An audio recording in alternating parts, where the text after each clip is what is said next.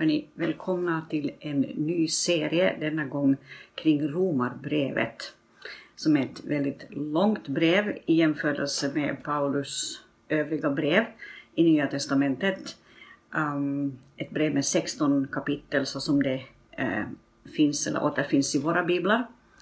Och uh, vi ska gå igenom det första kapitlet idag Eh, och före vi går in i själva kapitlet och läser det och kommenterar det så vill jag bara ge lite bakgrund till det här brevet. Eh, Paulus brev till romarna eh, skrev han under sin tredje missionsresa under ett uppehåll som han gjorde i Korint där han då var tre månader. Han dikterade det här brevet för en skrivare som heter Tertius och och eh, brevet bars sen av församlingstjänaren Febe, eller tjänarinnan Febe, till de kristna i Rom.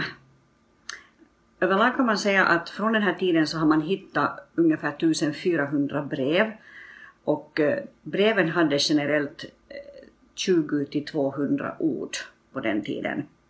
Eh, Ciceros längsta brev lär ha haft 1500 ord.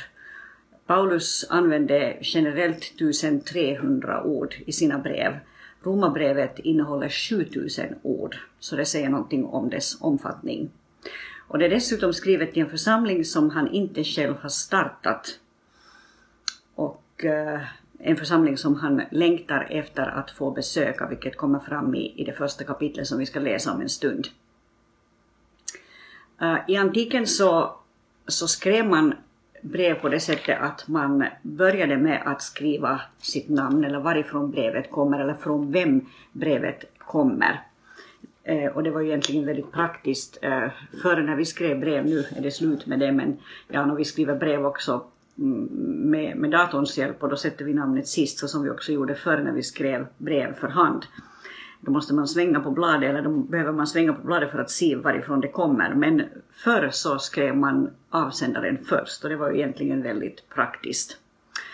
Eh, om vi funderar så här att hur skulle det här originalet ha kunnat se ut så var det antagligen en rulle av papyrusblad som hade klistrats ihop kant vid kant, höjden som en normal bok, längden kanske tre och en halv meter.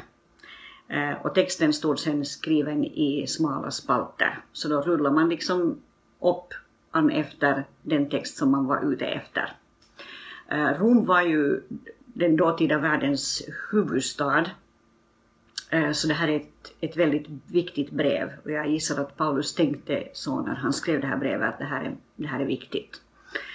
Eh, när man läste brev i antiken så läste man alltid högt också om man läste brevet ensam för sig själv.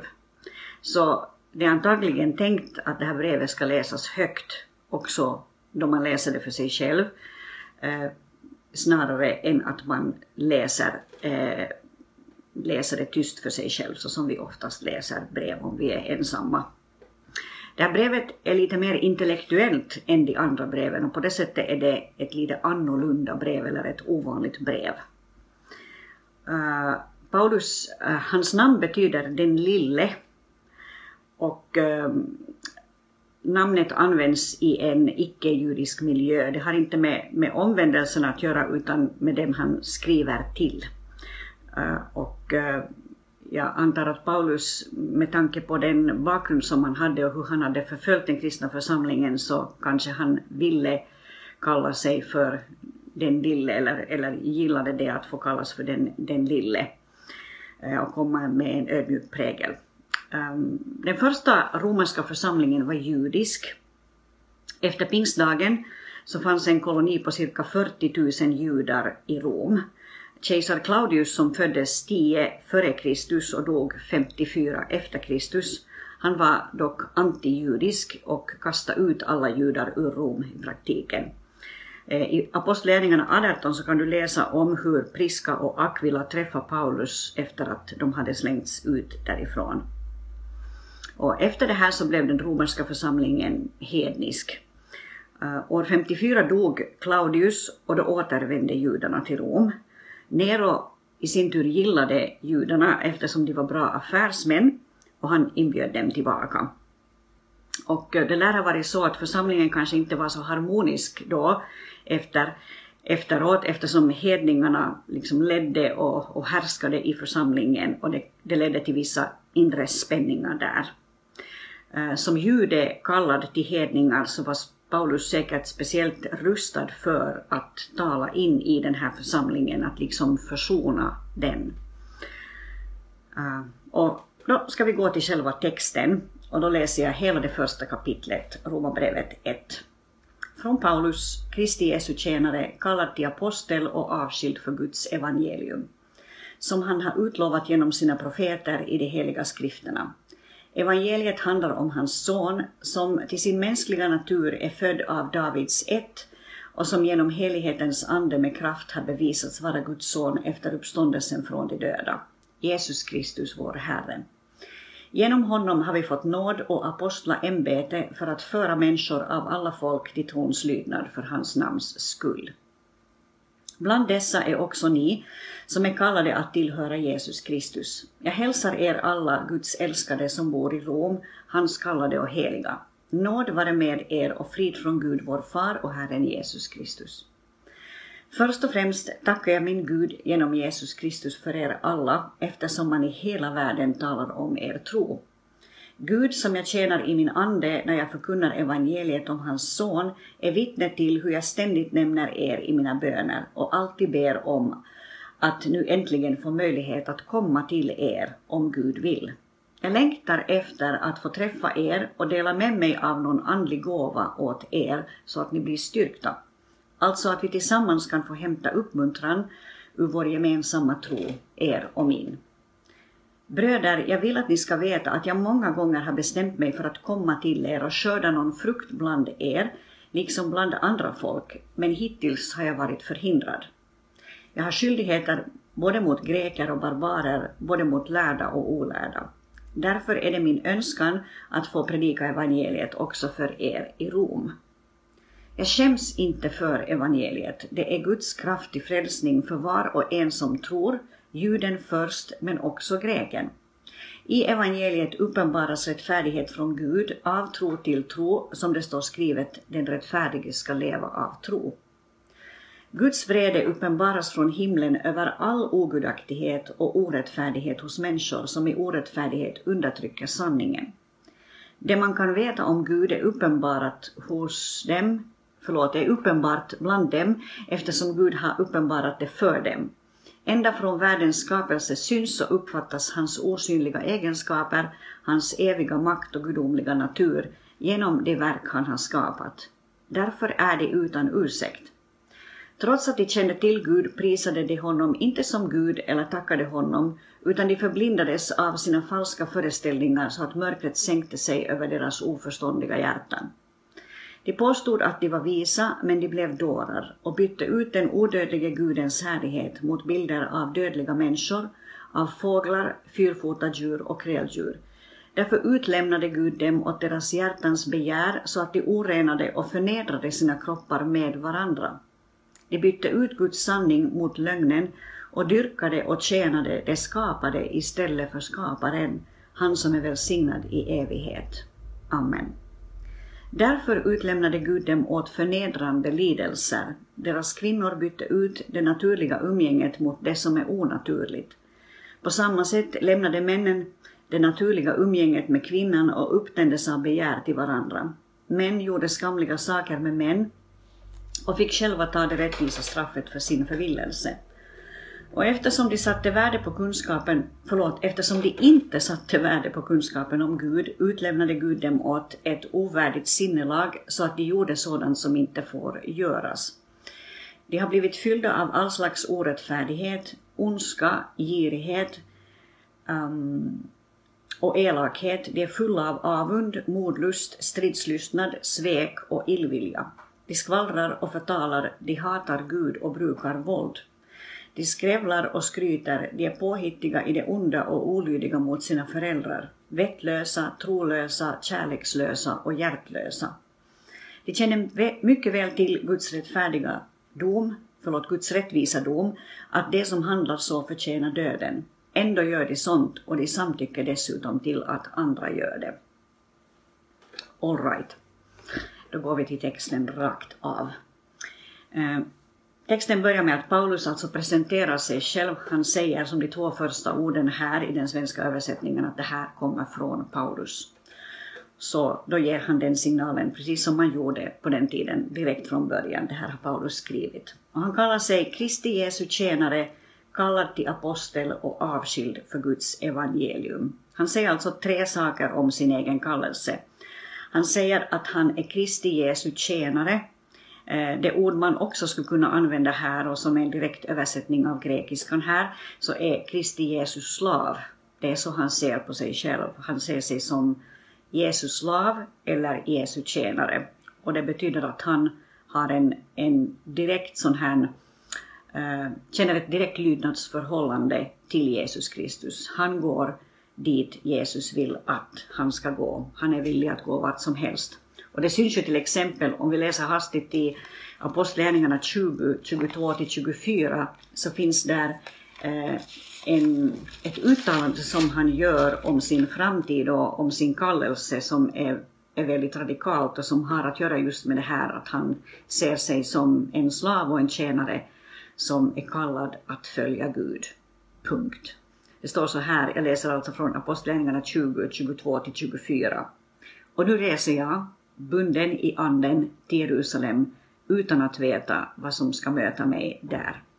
Jag vet bara att den helige Ande i stad efter stad vittnar att bojor och lidanden möter mig. Väntar mig, förlåt. Men jag anser inte mitt liv vara, något, äh, vara värt något för mig själv, bara jag får fullborda mitt lopp och den uppgift jag fått av Herren Jesus att vittna om Guds nåds evangelium. Eh, så han säger alltså att hans liv har inget värde för honom själv, eh, det säger han ju också till exempel i Galaterbrevet att, att hans liv är, är, är liksom dött, hans gamla liv är dött och han har uppstått i ett nytt liv. Och hans liv har inget betydelse för honom själv utan han är ute efter att förverkliga Guds vilja. Och därför kallar han sig här för apostel, tjänare och avskild för Guds evangelium. Och eh, det kan ju hända att hans kallelseupplevelse, den vi läser om i Apostlärningarna 9, eh, då han är blind i tre dagar, eh, att, att den upplevelsen på något sätt förstärkte den där känslan hos honom att hans gamla liv verkligen har dött och han har uppstått till ett helt nytt liv. Under tre dagar var han fullständigt beroende av andra människor, såg ingenting och var på något sätt avklippt från sitt gamla liv, visste ännu inte någonting om sitt nya liv. Och, och i det läget så dör föreställer jag mig liksom allt det gamla och han reses upp till ett nytt liv. Han kallar sig för apostel, apostolos på grekiska, som betyder utsänd eller budbärare, eh, ambassadör eller befullmäktigat ombud. Eh, han säger att han har fått nåd och apostlaämbete. Och, eh, eh att vara apostel eh, är ett ämbete som han inte är ensam om i, i Nya Testamentet. Det är inte heller så att vi bara har de tolv apostlarna i Nya Testamentet eh, plus då Paulus, utan det finns flera andra som också har den benämningen, eller den funktionen ska vi kalla det, den funktionen i Nya Testamentet. Till exempel Andronikus, Junias, Apollos, Barnabas, Epafroditus, Jakob, det vill säga Jesu bror, Silas och Timoteus. Så apostlatjänsten var en bred tjänst i Nya Testamentet och eh, personligen eh, så anser jag, eh, och jag baserar det på, på det som står i Efesierbrevet 4 om apostlatjänsten där det står att Gud gav apostlar, evangelister och lärare. Personligen tycker jag, eller anser jag att apostlatjänsten Eh, Eh, den här församlingsplanterartjänsten är någonting som inte på något sätt har försvunnit från den kristna församlingen idag. Eh, det betyder inte att, att dagens äh, församlingsplanterare skulle liksom behöva räknas till den apostlaskara som, som de tolv räknas till i Nya Testamentet. De är nog sär, de har nog en särprägel och en särfunktion Eh, men själva kallelsen att, att breda ut evangeliet, att starta nya församlingar, att skapa nya församlingsmiljöer, det är nog en absolut relevant kallelse idag, en mycket behövd kallelse idag. Och den har inte försvunnit någonstans. Sen vad vi kallar den, det är en annan sak. Vi kan lika gärna kalla det församlingsplanterare för att inte skapa problem genom att kalla någon för apostel. Och det är inte titeln som är det viktiga utan funktionen som jag ser det. Funktionen att plantera församlingar och att skapa nya församlingsmiljöer, att resa upp ett lokalt församlingsledarskap på olika orter, det behöver vi mer än någonsin idag. Paulus säger, om vi då går vidare, att han är avskild att, att, att eh, förmedla evangeliet om eh, hans son, alltså evangeliet om Guds son. Så han, han säger väldigt tydligt, eller han definierar väldigt tydligt vad evangeliet handlar om. Evangeliet handlar om Jesus. Evangeliet handlar inte om frid, hur du ska få frid eller hur du ska få ett eh, skönt liv eller hur eh, Gud är med dig. Eh, det är liksom sådana här bi, hur ska jag säga, bi-saker. Eh, som, som en konsekvens av att man har mött Jesus Kristus. Men de goda nyheterna, the gospel, handlar om att Jesus Kristus är eh, sänd till den här världen eh, som världens frälsare. Eh, det intressanta är tycker jag att, att ordet eh, evangelium så är någonting som nog används redan före Jesus har dött. Det vill säga i, i, i evangelierna, i till exempel Markus och Matteus evangelium så används ordet, eh, ordet eh, evangelium, att Jesus säger det själv att han kommer för att, att, eh, att förmedla evangeliet, vilket eh, enligt mig visar på det att evangeliet handlar om något mer än detta att Jesus har dött för dig och uppstått för dig, vilket vi ibland liksom definierar evangeliet som. Evangeliet var detta att Jesus gick omkring, gjorde gott, helade sjuka, kallade människor in i Guds rike. Evangeliet handlade om Guds rike, enligt Nya Testamentet. Eh, så vi får inte, vi får inte liksom glömma den biten att evangeliet handlar om proklamationen av kraften i Guds rike, eller den kraft som finns gömd i Guds rike. Men det är kanske en, en liten bisak här nu då i den här stora huvudsaken som är Romarbrevet. Uh, I vers 6 säger han då att, han, eh, att han själv och att också åhörarna eller de som läser brevet, de är kallade att tillhöra Jesus Kristus. Och han använder ordet helig om dem, eh, att, att de, är, de tillhör de heliga. Eh, hans kallade och heliga, alltså Guds älskade som bor i Rom, hans kallade och heliga. Så en kristen människa eh, vilket också Bo Gertz för övrigt eh, understryker i sin bibelkommentar om Romarbrevet. Han understryker just detta att, eh, att heligheten är någonting som är tilldelad den kristne och att vi kallas för de heliga och att det är fullständigt rätt att att göra så, det är ingen överdrift utan det är det som har hänt när förlåtelsen i Jesus Kristus har fått drabba våra liv. Då är vi och kallas vi för de heliga. Det, är något som beror på Gud och inte på oss. Det beror inte på vår renhet, det beror på den renhet vi har iklätts uh, i genom Jesus Kristus. I vers 7 säger han då att jag hälsar er alla som bor, alla Guds älskade som bor i Rom, hans kallade och heliga.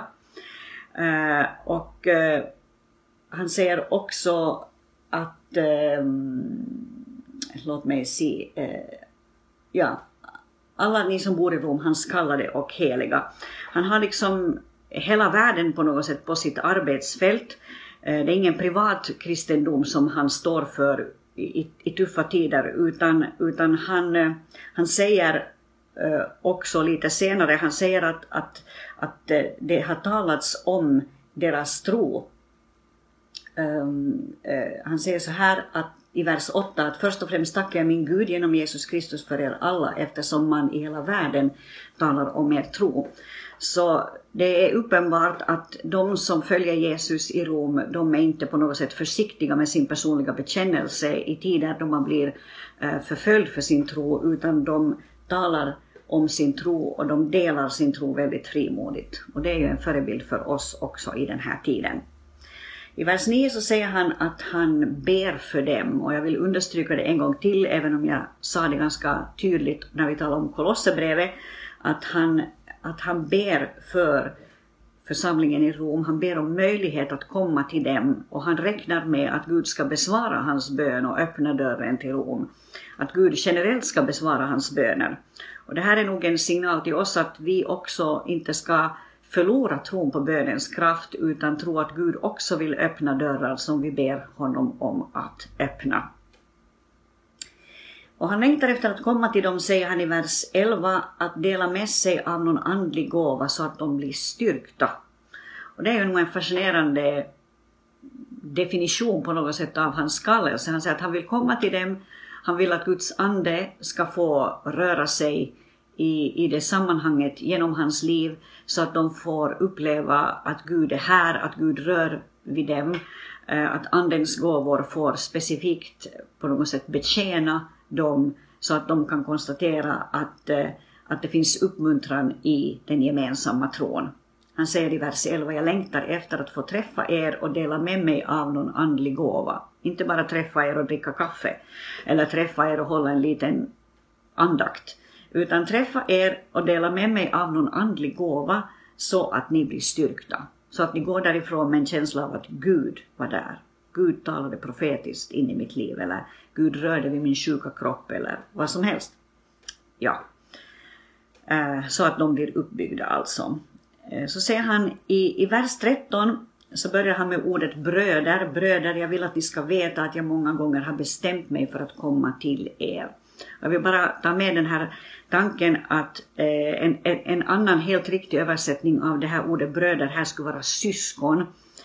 Eh, grekiskan liksom spanskan tilltalar en blandad grupp av människor i maskulinum och därför används här ordet eh, bröder, men det skulle lika bra kunna vara syskon rent formellt. Syskon, jag vill att ni ska veta att jag många gånger har längtat efter att komma till er. Eh, och han säger i vers 14 att han vill komma till dem, han säger att han, han känner skyldigheter mot dem alla. Och man kan ju kanske eh, tänka sig att det har att göra med det att han är mycket medveten om, vilket han också säger i andra brev, han är medveten om att han har förföljt församlingen, han har gjort den första kristna församlingen mycket illa och han längtar efter att få komma dit för att eh, eh på något sätt förmedla välsignelse istället för att förmedla, förmedla förbannelse.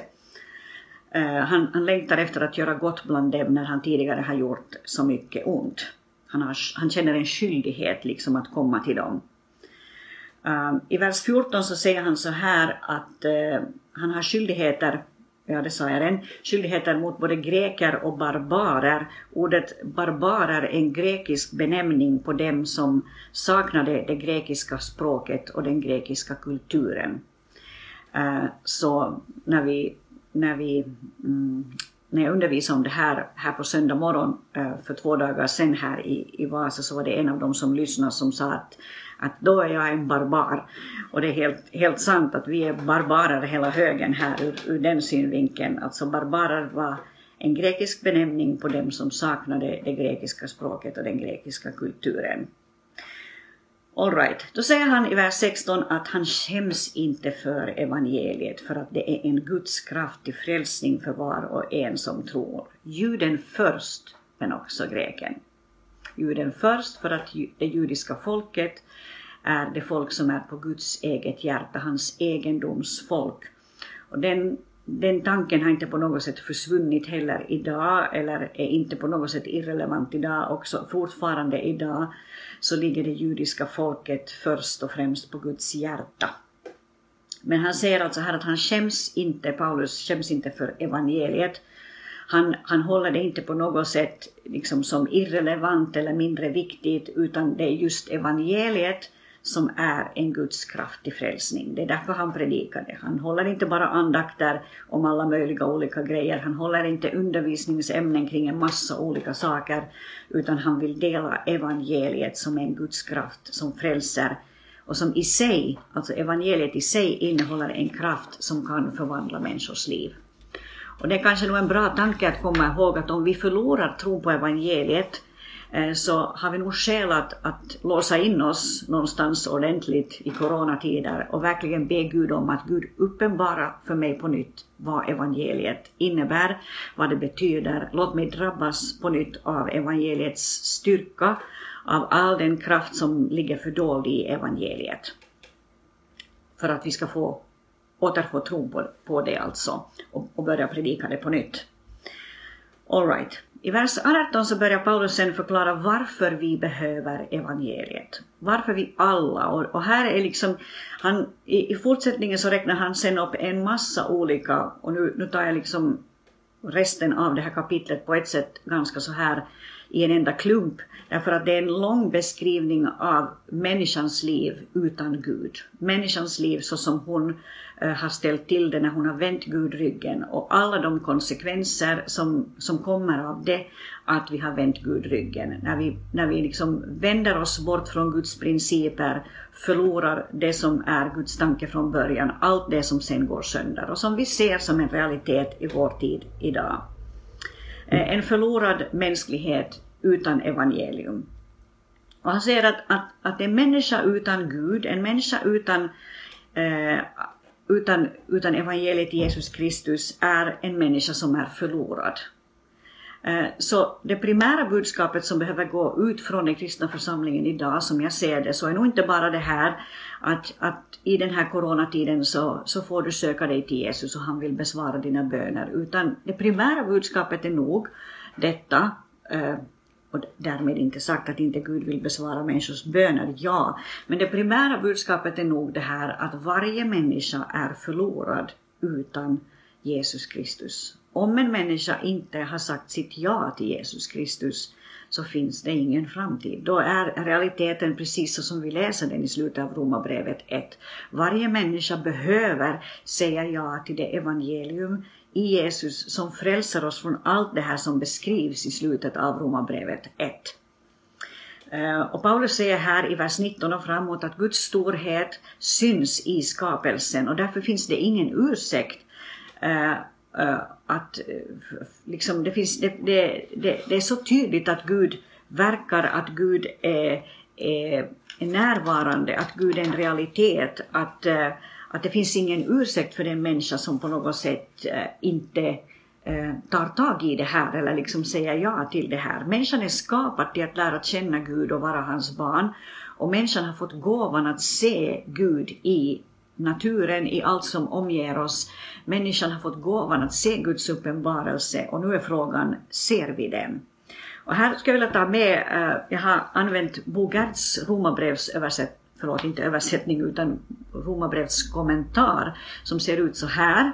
Ehm, um, Bo Gertz Romarbrevet och som jag tycker är jättebra. Och där säger han just om det här att människan är skapad till att känna Gud. Och nu citerar jag alltså Bo Gertz, sid 13 i den här boken. Människan är nämligen skapad till att känna Gud och vara hans barn.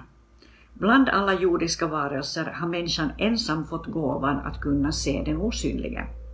Guds osynliga väsen kan ju ses, säger Paulus med en avsiktlig tillspetsning. Människan har ett inre öga, en förmåga att intuitivt och spontant genom en hjärtats omedelbara upplevelse uppfatta en del av verkligheten som inte är åtkomlig för våra yttre sinnen. Så alltså med våra inre ögon, nu är det jag och inte Bogarts, med våra inre ögon så är vi skapade till att kunna se Gud. Och så fortsätter Gertz. Människan har förmågan att förnimma Guds närhet och möta honom i hans verk, i naturen och det som sker runt omkring oss. Paulus säger här något som den religionshistoriska forskningen i vår tid har bekräftat. Religionen uppkommer spontant, inte genom en lång utveckling. Den börjar inte med primitiva föreställningar för att sen via mångguderi höja sig till monoteism. Inte heller springer den fram ur reflektioner och spekulationer om världens tillkomst om en första orsak, utan den föds spontant genom en religiös upplevelse, genom ett möte med någon som människan ställs inför och uppfattar som en herre som har allting i sin hand och vill något med våra liv. Och det är alltså den här den här möjligheten till detta möte med denna någon, alltså Gud själv, som Paulus beskriver här i slutet av Romarbrevet 1. Han talar om att Guds egenskaper är fullt synliga i skapelsen runt omkring oss, men människan har vänt sig bort från Gud och istället eh, bytt ut den eh, odödlige Gudens härlighet, nu citerar jag vers 23, mot eh, bilder av dödliga människor, av fåglar, förnedrar kropparna eh, med varandra, byter ut sanningen mot lögnen, dyrkar det skapade istället för skaparen. Alltså vi har vänt oss bort från Gud och är i, i, i jag tänkte säga i ett otroligt behov, men jag, jag skulle vilja säga liksom vi är totalt förlorade utan denna frälsning. Och det enda vi kan göra är att ropa Jesus, fräls oss, fräls mig från den här världen, fräls mig från allt det som i mitt liv är så uppåt skogen som det kan vara och upprätta mitt liv. Och det är här som evangeliet är så starkt. Här när Paulus sen börjar beskriva eh, att, att människan eh, har liksom totalt på något sätt tappat bort sig själv, tappat bort sin identitet, tappat bort detta att hon är skapad till man, till kvinna, skapad till eh, relation mellan man och kvinna. Eh, eh där har vi liksom tappat bort den här grundtanken och istället eh, förirrat oss med varandra eh, så här könsvis. Och här, här säger Paulus, som jag uppfattade en stark signal om att det finns en frälsning, det finns en upprättelse, det finns en förmåga att komma hem igen och att bli förvandlad. Det är det vi tror på, att evangeliet har en kraft att förvandla människors liv. Så att där jag har gått bort i min förvirring och där jag har liksom helt tappat bort min identitet, tappat bort mig på insidan, där kan evangeliets kraft komma in och förvandla mig och förvandla dig. Uh, och uh, signalen här är nog väldigt tydlig att om vi vänder oss bort från Gud och vi vänder oss bort från hans ord och vi vänder oss bort från hans principer så är vi borttappade. Vi är helt enkelt off track. Men det finns en möjlighet att komma hem igen. Det finns en möjlighet att be Jesus uppenbara dig för mig, rena mig, eh, upprätta mig, ta bort allt det i mig som är liksom helt bortkollrat, förvirrat, upprätta min identitet, gör mig till den kvinna eller den man du ville ursprungligen att jag skulle vara. Låt mig få se kraften som utgår från din eh, uppståndelse. Och eh, det är fullt möjligt. Och eh, därmed, därmed vill jag avsluta det här som jag vill säga kring det här första kapitlet, eh, bara med den här starka signalen som finns i vers 16 där Paulus alltså säger, och jag tar det igen, att han skäms inte han skäms inte för evangeliet, det är Guds kraft till frälsning. Idag så behöver vi inte heller skämmas för evangeliet. Och vi får tacka Gud hellre. Jag vill tacka Gud för att han har frälst mig i allt mitt rodderi, i alla mina förvirringar, i all min egen synd. Och jag behöver inte ens fokusera på någon annans synd eller någon annans förvirringar. Jag har helt tillräckligt med mina egna förvirringar.